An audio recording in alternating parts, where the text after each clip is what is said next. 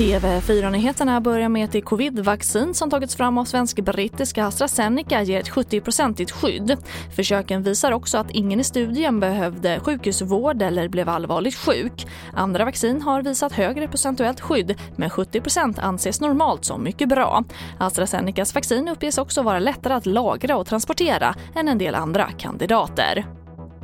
Och på tal om vaccin så hoppas USA och Storbritannien kunna börja vaccinera mot covid-19 mycket snart. Enligt TT planerar USA att börja vaccinera 20-30 miljoner människor i månaden redan om tre veckor.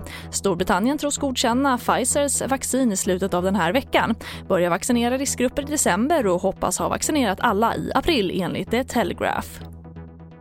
Och vi avslutar med att årets säsong av vinterkräksjukan står ju för dörren men troligen drabbas färre om vi fortsätter följa coronaråden.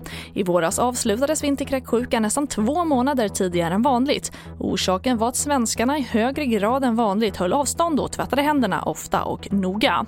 Och det får avsluta TV4-nyheterna. Jag heter Charlotte Hemgren.